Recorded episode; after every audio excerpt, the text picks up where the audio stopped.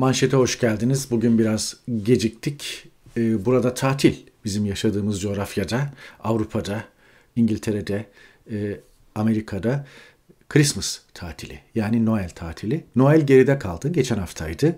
Fakat e, bu dönem yaklaşık iki haftalık bir tatil e, oluyor her sene. Okullar tatile giriyor, iş hayatı tatile giriyor. Çok böyle zorunlu hizmet sektörü filan dışında tam anlamıyla bir yatma ya da işte ülke değiştirmek filan biçiminde bir tatil dönemi. Bundan biz de etkileniyoruz. Elbette e, farklı e, programlar yapılıyor, misafirlikler, e, çocuklar tatil olduğu için onlarla ilgili programlar devreye giriyor. Ondan do- dolayı bizim günlük yayın rutinimizde böyle bir aksama oldu. Ondan dolayı mazur görün. E, bir ikincisi gündemde Ekrem İmamoğlu hakkında açılan soruşturma var. E, şahsen bunun için e, epey geç kaldığını düşünüyorum. İçişleri Bakanlığı ve e, Ankara'nın 3 yıla yakın bir süredir beklediler. Mart 2019 seçimlerinde Ekrem İmamoğlu seçilmiş. Daha sonra iktidar bu seçimi tanımamış, tekrar ettirmişti. Ve Haziran'da gecikmeli olarak Ekrem İmamoğlu koltuğa oturmuştu. Hepimizin bildiği gibi. 2022 tarihi geliyor. Mart seçimlerini baz alırsanız 3 ay sonra 3 yılda olacak. Haziran seçimlerini baz alırsanız 6 ay sonra 3 yılda olacak. Ben bu kadar tahammüllü olacaklarını e, beklemiyordum açıkçası. E, Ekrem İmamoğlu ve Mansur Yavaş'a karşı. Çünkü e, bugüne kadar e, muhalefet çevrelerinin e, seçime ve seçimle iş başına gelen yönetimlere saygı duymadığı ortaya çıktı. Yani sadece iktidar değil, muhalefet çevreleri de saygı duymadı. Çünkü saygı duysalardı özellikle Doğu ve Güneydoğu'da seçimle iş başına gelmiş HDP'li belediyelerin elinden e, bu gasp edilirken e, ve halkın e, seçme hakkı elinden alınırken halkın iradesi, milletin iradesi, o dillerden düşmeyen irade e, yaka paça edilirken, e, içeri tıkılırken, e, büyük bir saygısızlıkla hiçe sayılırken e, kimse sesini çıkarmadı. Ve hala o belediye başkanları hakkında elle tutulur bir e, suçlama, elle tutulur bir dava falan görülmüş de değil. On, tamamen siyasiydi bunu herkes de biliyor. Hatta bir örnek vereceğim. Ayhan Bilgen en son görevden alınan, e, belediyesine kayyım atanan seçilmiş belediye başkanıydı. Halkların Demokratik Partisi'nde Kars belediye başkanıydı. Ve Ayhan Bilgen aynı şekilde gadre uğradı. Soruşturma başlatıldı. Gözaltına alındı, tutuklandı, içeride yattı. Sonra tahliye edildi. E, şimdi serbest hatta HDP'den ayrıldı ve bir parti kuracağı falan ifade ediliyor. Bir şey yok. Yani e, tahliye edildi ve başkanlığa da iade edilmedi, koltuğuna da iade edilmedi. Böyle bir fütursuzluk var. Çünkü hemen herkes biliyor e, yapılan işlemin ne olduğunu. Ondan dolayı da iktidar ve muhalefet çevreleri arasında özellikle CHP İyi Parti çevreleri arasında bir gizli mutabakat var. Tabir yerindeyse bir anlamda. Dolayısıyla bunun CHP'li belediyelere gelmesi veya İyi Partili neyse belediyelere e, sirayet etmesi kaçınılmaz, kaçınılmazdı. Dolayısıyla kazanın doğurduğuna inananlar öldüğüne de inanacaklar. Ben İmamoğlu ve Mansur Yavaş hakkında yola çıkan çıkacak. Soruşturma, görevden alma ve içeri tıkma, hapsetme, cezaevine koyma eylemlerinin e, epey geciktiği düşüncesindeyim. E, ve muhalefetin bunu halen idrak edemediği düşüncesindeyim. E, Şimdi önümüze düşen haberlerle e, ve bir takım Twitter yorumlarıyla konuyu daha detaylı analiz etmeye çalışayım ama ondan önce hafta sonu Netflix'te gösterime giren, herkesin seyrettiği, seyretmeyeni döve, dövüyorlar yani o derece. Don't Look Up, Yukarı Bakma Türkçesi. E, filmi hakkında birkaç cümle söylemek istiyorum. Ben de filmi seyrettim. Ve filmi belki hafta sonu seyretmezdim ama hakkında o kadar çok artık entry, giriş, yorum vardı ki Twitter'da başka yerlerde e, ve bu filmi seyredip üzerine bir şeyler söylemek farz olmuştu. E, filmi seyrettim. Filmi beğendin mi beğenmedin mi? Film bir seyirlik yani hmm, çerez diyebileceğimiz vakit geçirme amaçlı filmlerden biri. E, ne senaryo ne oyunculuk ne kurgu e, vasatın üstüne çıkmıyor. Onu söyleyeyim bir Netflix yapımı. Netflix son dönemde özellikle e, toplumlar, devletler, gazetecilik, soruşturmacı gazetecilik, e, anlamında gerek belgeselleriyle gerek dizileriyle gerek filmleriyle bir tür e, sosyolojik sorgulamalar yapıyor. Siyasal ve sosyolojik sorgulamalar yapıyor.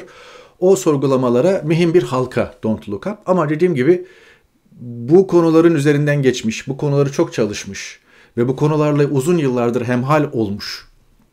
Benim ve benim gibi insanların çok fazla yeni bir şey öğrenmeyeceği bir film ama konuya yeni başlayanlar, siyaset sosyoloji, sosyoloji ilişkisi, sosyal ağlar, işte devletler, çıkarlar, ilişkiler, seçimler, öncelikler, tercihler bu konulara yeni giriş yapan insanların elbette başlarken seyretmesi gereken filmlerden biri. İkincisi konuyu Amerika merkezde ele alıyor. Her zaman olduğu gibi her şey Amerika'nın etrafında dönüyor ve Amerika kurtarırsa dünyayı Amerika kurtarır gibi klasik bir kurtuluş günü hikayesi.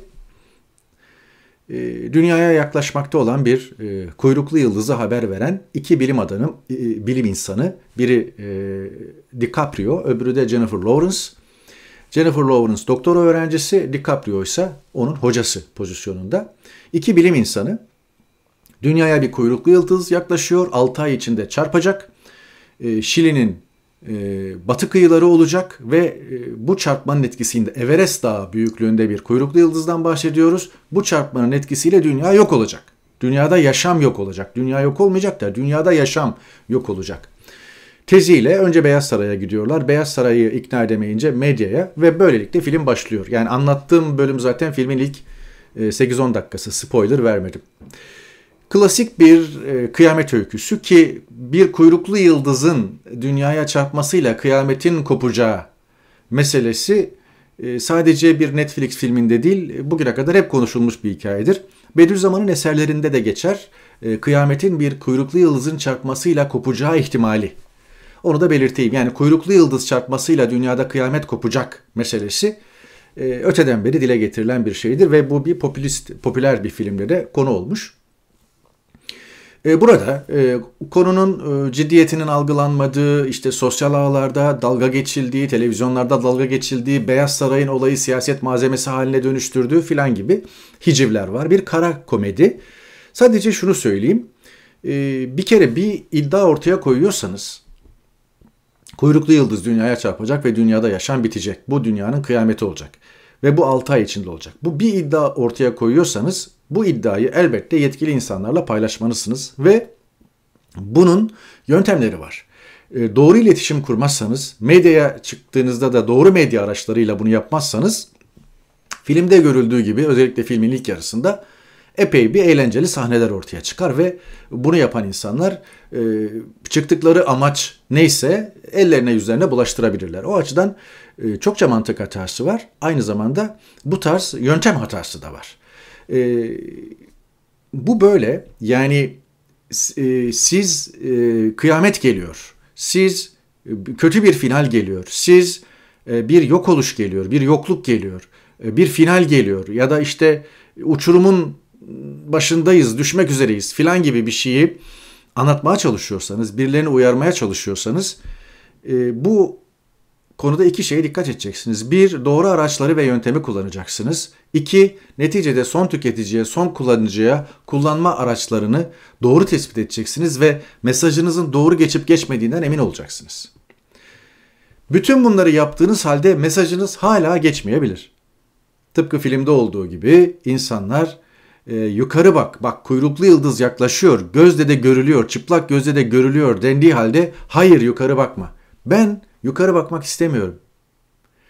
Ben yukarı bakmak istemiyorum. Her ne kadar sen söylediğinde haklı olsan da olmasan da senin söylediğine itibar etmiyorum. Bir kuyruklu yıldız var mıdır yok mudur? Gerçekten yukarıda mıdır? Ee, böyle de bir şey var. Etkileşim var. Yani siz o iki maddeyi yerine getirseniz de iletişim anlamında mesajınızı topluma geçiremeyebiliyorsunuz. Tıpkı son 8 senedir Türkiye'de bas bas bağıran şu finali e, birilerinin bas bas yani final bağıra bağıra geliyordu. Birileri de bas bas bağırdı 8-10 yıldır ama bir türlü gereken uyarıcı etki ortaya çıkmadı. Ha bu sizin başarısız olduğunuz anlamına gelmiyor. Sadece sonuç anlamadığı anlamına geliyor. Fakat siz durduğunuz yeri itibariyle yaptığınız iş itibariyle mühim bir şey yaptınız ve mühim geriye doğru mühim bir kayıt ortaya koydunuz. benim ve benim gibi gazeteci arkadaşlar veya akademisyenleri de bu çerçevede değerlendirebilirsiniz. Bir alt küme olarak düşünebilirsiniz siyaset bilimcileri, uyaran başka insanları. Bu sizin başarısız olduğunuz anlamına gelmiyor ama bu süre içerisinde sonuç alınamadığı anlamına geliyor. Bunun da farklı sebepleri var. Ee, güzel bir bakış açısı sunmuş Don't Look Up e, filmi fakat e, bu böyle devam edecek. Yani bu filmi izleyen emin olun bu filmi milyonlarca insan izleyecek. Belki 50 milyon, 100 milyon kişi izleyecek. Belki 200 milyon kişi izleyecek. Olabilir. Fakat bu filmin bu kadar izlenmesi toplumsal bir uyanmaya, toplumsal bir uyanışa sebep olmayacak. Bunu da göreceğiz. Bunu da göreceğiz çünkü filmde tasvir edilen ve kara komediyle, bir mizah diliyle filan e, anlatılmaya çalışan hikayenin hep beraber içinde yaşıyoruz ve birer paydasıyız. Birer parçasıyız, özür dilerim. Şimdi bakalım Ekrem İmamoğlu hikayesine. Ekrem İmamoğlu hakkında İçişleri Bakanlığı bir tweet mesajıyla e, soruşturma başlatıldığını adeta ilan etti. Ve burada e, kırmızı işaretlerle hangi terör örgütü e, kaç mensubunun İstanbul Büyükşehir'de olduğu böyle listelendi ve özel teftiş başlatılmış e, bakanlıkça. Bu bir soruşturma açıldığı manasına geliyor. Bunun sayısı belli. E, Büyükşehir Belediyesi'nde çalıştığı tespit edilen insanların hangi İçişleri Bakanlığı'na göre örgüte mensup olduğu belli filan falan. Bu şekilde de bir tweet mesajıyla başlatılmış bu. Ekrem İmamoğlu e, Cumhuriyet Halk Partisi Genel Merkezi'nde 11 Büyükşehir Belediye Başkanı'yla Atatürk'ün Ankara'ya Atatürk'ün Ankara'ya gelişi münasebetiyle Anıtkabir vesaire çerçevesinde bir dizi etkinliğe katılmak üzere tam da bugün Ankara'ya gelmiş ve bu vesileyle de bir açıklama yaptı. Herkesle beraber 11 belediye başkanı kamuoyunun karşısına geçtiğinde. Fakat bu fotoğrafta ilginç olan şey şu. Düzgün bir fotoğraf seçmedim. Sebebi de şu. Mikrofonları gösteriyorum özellikle. Sosyal ağlarda da paylaştı, paylaşıldı. Zannediyorum Burcu Karakaş gazeteci paylaşmış bu fotoğrafı. E, ee, TRT ve Anadolu Ajansı'nın mikrofonu yok. Ekrem İmamoğlu dün akşam hakkında soruşturma açılmış, teftiş başlatılmış her neyse. Ve e, bütün gözler onda. TRT ve Anadolu Ajansı, Ajansı e, mikrofonu yok. E, ilgi bir, e, duymamışlar. Ne söyleyeceğini de merak etmemişler. Evet. Bir e, noktada bu. Bir diğer noktada e, Cumhuriyet Halk Partisi sözcüsü Faik Öztürk, Sarayın ve İçişleri Bakanı'nın karın ağrılarını biliyoruz. Gök kubbeyi başlarına yıkarız demiş. Evet. Bence eğer bir gök kubbe başlarına yıkılma motivasyonu varsa o motivasyon çoktan oluşmuştur. Yani ne yapacaksanız şimdi yapın. ne yapacaksanız şimdi yapın. Geliyor gelmekte olan İstanbul Büyükşehir Belediyesi'ne açılan bu özel teftiş sonrasında tıpkı diğer HDP'li belediyeler de söz konusu olduğu gibi kayyım atanmaması için kayyım atanmasının önünde herhangi bir engel yok. Kayyım atanmaması için herhangi bir sebep yok.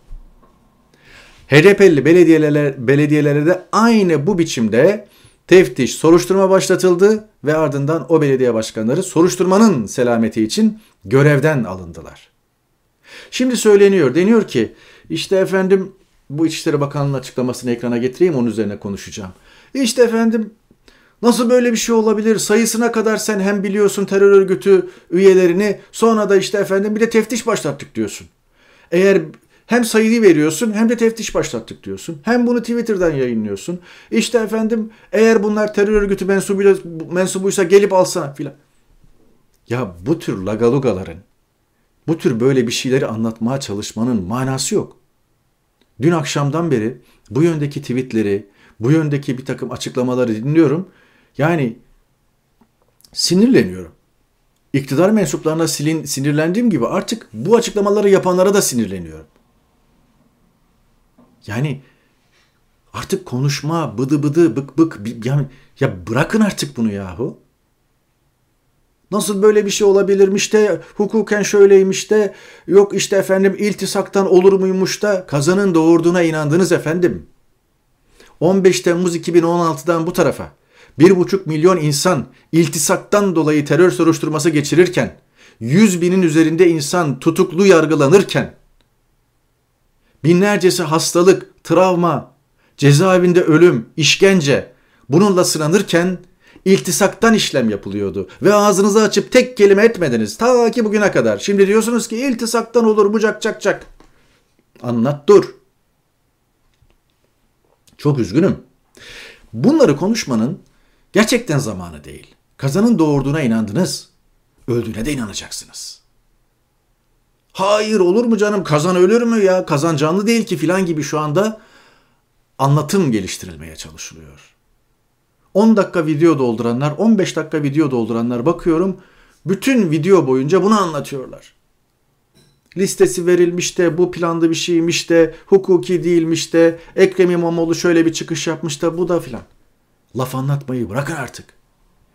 Bence ortaya yola çıkan şeyi bir kişi bir cümlelik e, tweetle çok güzel özetlemiş. O da Ekrem İmamoğlu'nun basın müşaviri, basın danışmanı Murat Ongun. Bu saatten sonra Ekrem İmamoğlu millete emanettir diye tweet attı. Dün akşam saatlerinde. Soruşturma haberinden, teftiş haberinden hemen sonra. Bu saatten sonra İmamoğlu millete emanettir.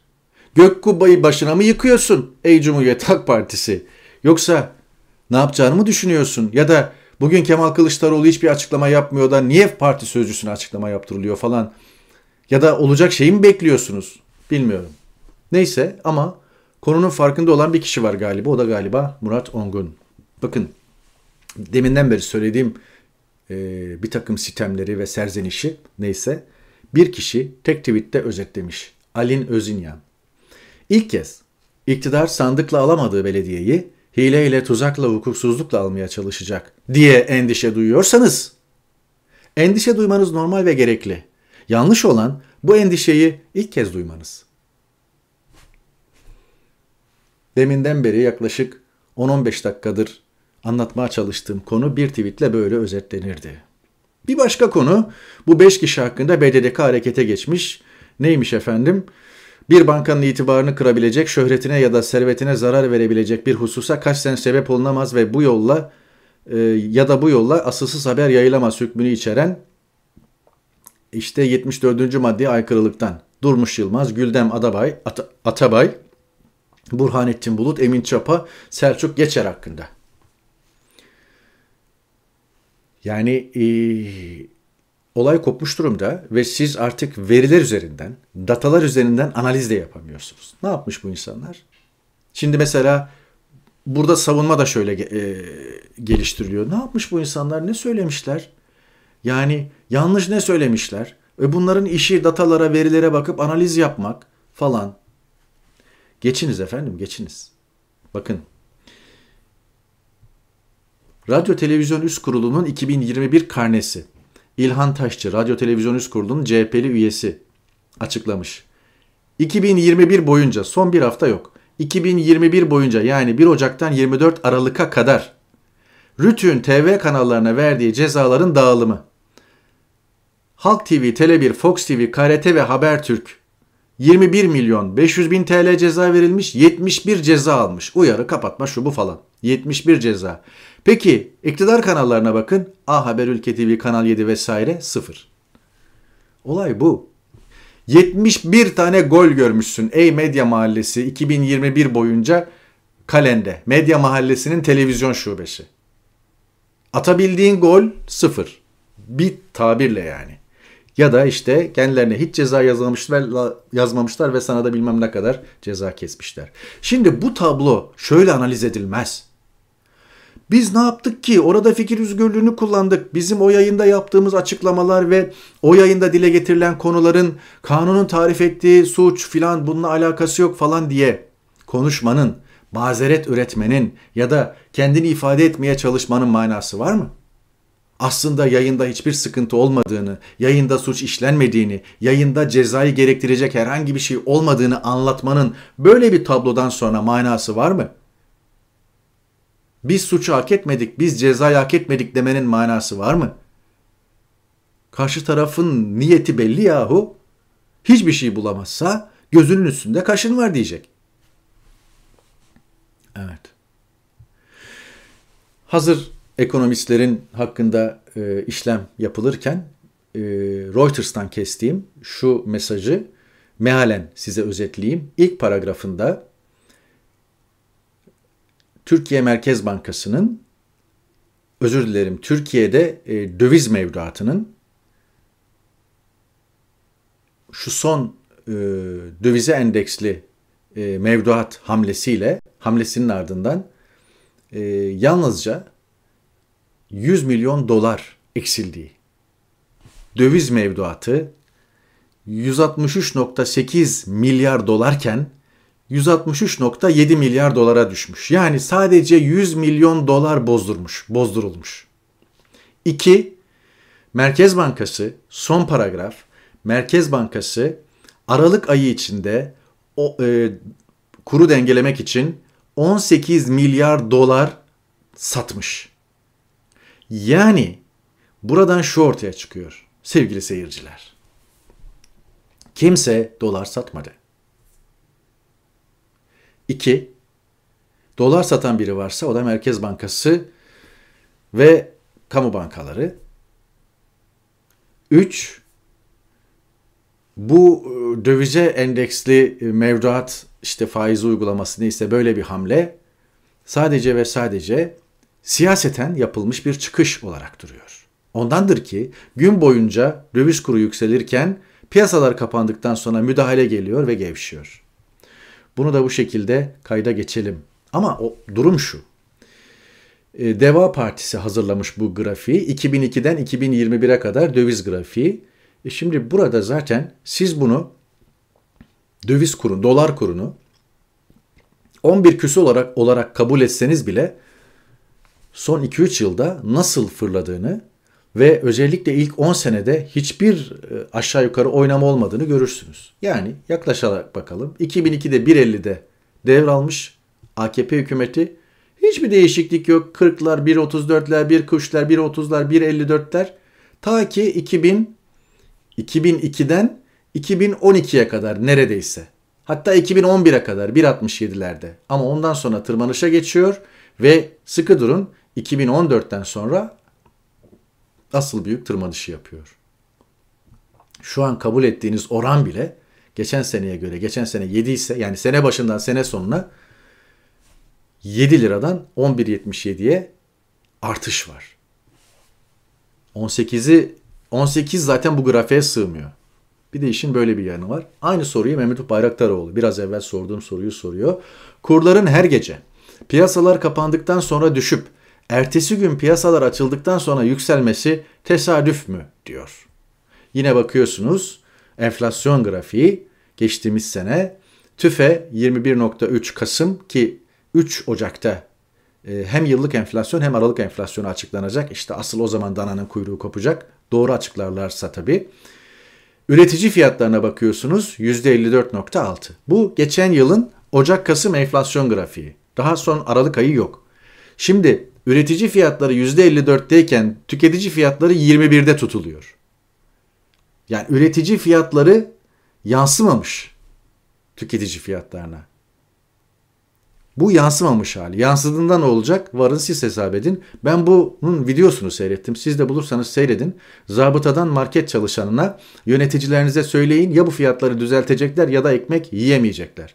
Şimdi bir zabıta market baskını yapıyor. Görevi ne? Etiketleri kontrol edip fahiş fiyatla mücadele. Tabii neye göre, kime göre bilmiyoruz. Yani şimdi gittiniz bir bulgurun önüne. Bulgur bulgurun önünde bir fiyat etiketi var.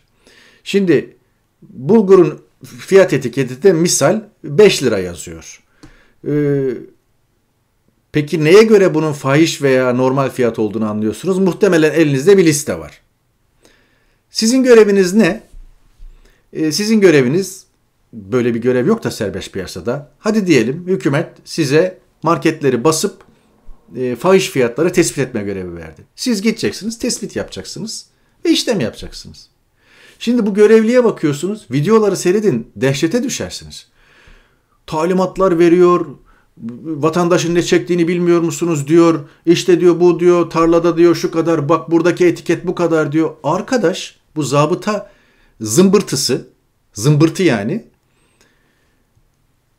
Hadi kendisine yasa dışı bir görev verilmiş, ayrı bir konu. Piyasa koşullarını tamamen e, alt üst eden bir emir verilmiş, ayrı bir konu. Ha bari görev sınırları içerisinde kal.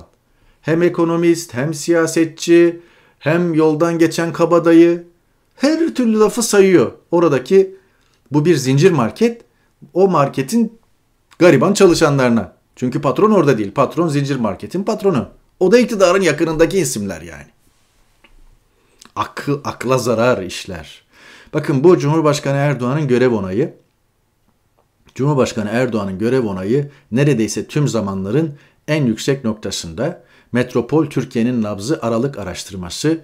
Ee, Cumhurbaşkanı'nın görev onayının en düşük olduğu yani onaylamıyorum diyenlerin oranı %58.6'ymış. Ne zaman? 7 Haziran 2015 milletvekili seçiminde. Şimdi de Cumhurbaşkanı Erdoğan'ın görev onayı %57'lere kadar çıkmış. Neredeyse 7 Haziran 2015'i yakalamış durumda ve gittikçe de artıyor. Önceki ay 54'müş, ondan önceki ay 47'ymiş filan. Yani Cumhurbaşkanının göre Cumhurbaşkanını onaylamıyorum diyenlerin oranı %38 şu anda. Yani bu şahsi olarak Cumhurbaşkanının oyu demek. Onaylamıyor, onaylıyorum diyenler 38 özür dilerim. Onaylamıyorum diyenler 57. Böyle ama karşısında bir muhalefet var mı? İşte soru işareti o. Muhalefet demişken e, Meral Hanım İyi Parti Genel Başkanı 6 partili bir ittifak olabiliriz. Erken seçim içinde Mayıs sonu Haziran olabilir demiş. Bu da 6 ay sonrasına denk geliyor. Ben ne muhalefetin ne iktidarın bundan bu kadar emin olduğu kanaatinde değilim. E, iktidar baskın seçim yapabilir mi? Şartların kendi lehine döndüğünü görürse filan yapabilir ama yani e, emin olun muhalefet e, muhalefetin ülkeyi seçime götürme ihtimaliyle iktidarın ülkeyi seçime götürme ihtimali nedir diye alt alta koysanız gerçi muhalefetin ülkeyi seçime götürme yetkisi yok ama muhalefetin ülkeyi seçime götürmek istediğini hiç zannetmiyorum derim. Cumhurbaşkanı Erdoğan beyaz Türkler hayvanlarınıza sahip çıkın demiş. Bu Mavra ile ilgili çok kısa konuşacağım. Bir şey demeyeceğim. Şu ara onunla ilgili talimat da verilmiş galiba belediyelere sokak hayvanlarını toplayın diye.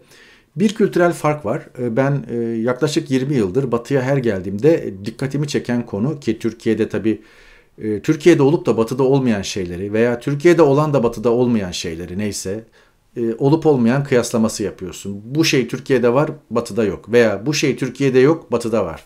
Bu kıyaslamaları hep yaptık. İlk geldiğimde dikkatimi çeken konulardan biri de Almanya'da, Fransa'da, İngiltere'de, Hollanda'da, Danimarka'da hep bütün bu ülkeleri dolaştım. İtalya'da dikkatimi çeken e, en temel konulardan biri e, gezdiğim dolaştığım yerlerde kırsal olsun şehir olsun e, hiç e, sokak hayvanı olmamasıydı. Ne bir kediye ne bir köpeğe rastladım. Ve e, sonradan öğrendim ki bu ülkelerde e, bu hayvanlar kesinlikle lisanslanıyor, e, sahiplendiriliyor ve sahipleri e, işte şeyleri var, e, kimlikleri var e, hayvanların. Hatta İngiltere'de geriye doğru kedilerin böyle 8-10 göbek geriye doğru bakabiliyorsunuz. Yani bir soy ağacı var adeta. E, bu hayvanların bir şekilde sahiplendirildiği ve e, sahiplerince çok sıkı takip edildiği e, böyle e, yola sokağa, ormana, kırsala falan kedi köpek bırakmanın falan da yasak olduğu ve yapanın da başına iş geldiği falan ülkeler. Ondan dolayı da sokakta asla böyle sahipsiz hayvan göremezsiniz. Ama Türkiye tarafında ve Türkiye'nin de doğusunda bu var, yaygın olarak var. Orta Doğu'da da var.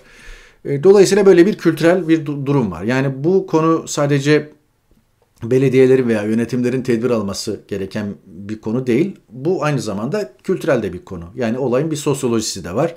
Coğrafyayla alakalı bir tarafı da var. Yani e, Dolayısıyla bu Türkiye'de de böyle olsun. Bak Avrupa'da böyle falan gibi böyle bir e, yansıtmacı falan bir durum içerisinde değilim. Ama Avrupa'daki uygulamayı e, ve köklü bir uygulama bu. Geriye doğru uzun yıllardır devam ettiği için beğendiğimi ve bunun keşke oturtulabilse, keşke bu bu şekilde mesela buralarda pet shoplarda e, hayvan satışı yoktur. E, ve siz ancak e, gönüllü insanlarla böyle bir alışveriş yapabilirsiniz. Yani bir kedi veya köpek edinebilirsiniz. İşte e, yaygın olarak kısırlaştırma da yok görebildiğim kadarıyla. Çünkü sokakta hayvanlar dolaşmadığı için ve hayvanlar genelde evcil ve ev ortamında kedi köpek gibi özellikle hayvanlar olduğu için o konuda e, e kısırlaştırma da çok fazla gerekmiyor. Elbette bunu yapanlar da var. Her neyse. Erdoğan'ın bunu söylemesi de e, şu konu noktayı nazardan kaçırılıyor. Beyaz Türkler hayvanlarınıza sahip çıkın diyor ya. Orada kastedilen şey bir pitbull ki bu sahipli bir e, hayvan ve muhtemelen e, o pitbull'u bir pitbull bir e, kız çocuğuna saldırmış ve onu gerçekten hastanelik etmiş. Hani yüz nakli, yüz felci falan gibi konulardan konuşuluyor. Ondan dolayı bir infial oluştu. Bu Türkiye'de ne ilk yaşanan hadise ne de son olacak ama daha önceki hadiselerde e, tepki vermeyen iktidar burada e, uzun yıllardır özenle inşa ettiği kutuplaşmaya katkı e, sunacak bir damar yakaladığı için devreye girdi. E, Cumhurbaşkanı düzeyinde. Buna dikkatinizi çekiyorum. Beyaz Türkler hayvanlarınıza sahip çıkın diyerek orada sınıfsal bir e, duruma dikkat çekti. Yani patronun köpeği bir küçük kızı işte onun hizmetçisini tabir yerinde ise patronun hizmetçileri pozisyonundaki bir ailenin kızını e, yaralıyor, parçalıyor, hastanelik ediyor. E, bir sınıfsal duruma dikkat çekti ve e, o hadiseyi ustaca kendi kutupsal, şey kendi kutuplaşma e, macerasında veya kendi kutuplaşma hedefinde bir tuğla olarak ekledi. Ve bunu, bunu da başarıyla yaptı. Şimdi ortaya çıkıp e, şimdi tartışmaya bakıyorum. Bir kere beyaz, beyaz Türklerin hepsi iot gibi ortaya çıktı. Ardından da e, meseleyi çok farklı argümanlarla savunmaya geçtiler.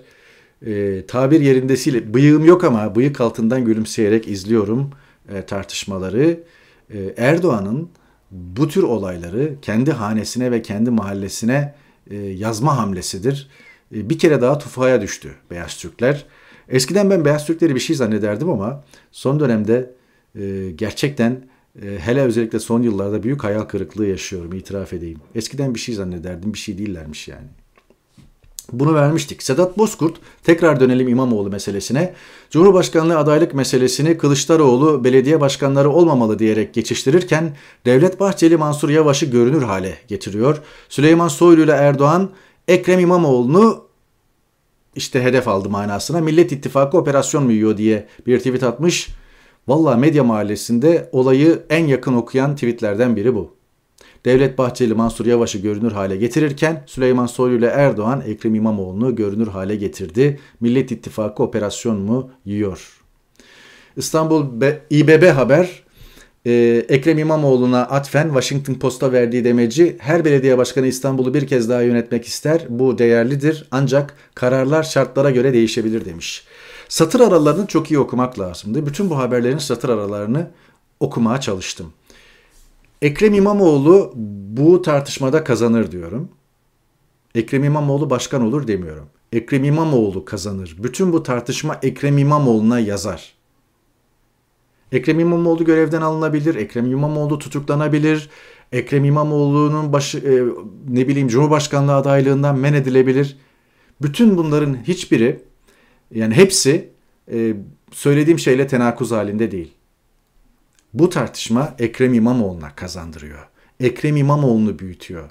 Her ne kadar Ekrem İmamoğlu İstanbul Büyükşehir Belediyesi'ni kaybetse de, her ne kadar Ekrem İmamoğlu Nın başına kayyım atansa da koltuğuna her ne kadar Ekrem İmamoğlu ileride gözaltına alınıp tutuklansa da her ne kadar Ekrem İmamoğlu seçimlere girmesi engellense bile seçimlere girmesi engellense bile unutmayın Tayyip Erdoğan cezaevine atıldığında yeni seçime girememiş Ali Büfit Gürtün'e girmişti ama Tayyip Erdoğan cezaevinden güçlenerek çıkmış ardından ilk seçimde de başbakan olarak tek başına bu ülkeyi idare etmeye başlamıştı.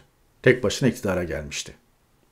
Ki zaten cezaevine girerken İstanbul Belediyesi macerasını da arkasında bırakmıştı. Bunu kendi de biliyordu, çevresi de biliyordu. Aynı şekilde bu durum, bu yaşananlar Ekrem İmamoğlu'na kazandırdı, kazandırıyor, kazandıracak. Başına her ne gelirse gelsin. Bunun da altını çizmemiz lazım. Ha seçim bu sene olur, gelecek sene olur. Bu seçimi ıskalar sonra onu bilemem. Ama yakın gelecekte Ekrem İmamoğlu'nun da e, tıpkı Selahattin Demirtaş gibi çok mühim, çok önemli ve e, yani ne bileyim başına başkaca bir şey gelmedikçe, sağlık sorunu olmadıkça e, vazgeçilmez bir alternatif olduğunun altını bir kere daha çizmiştir. Evet. Diyorum ve böylelikle manşeti e, toparlıyorum. Bir sonraki yayında görüşmek umuduyla efendim. Hoşçakalın.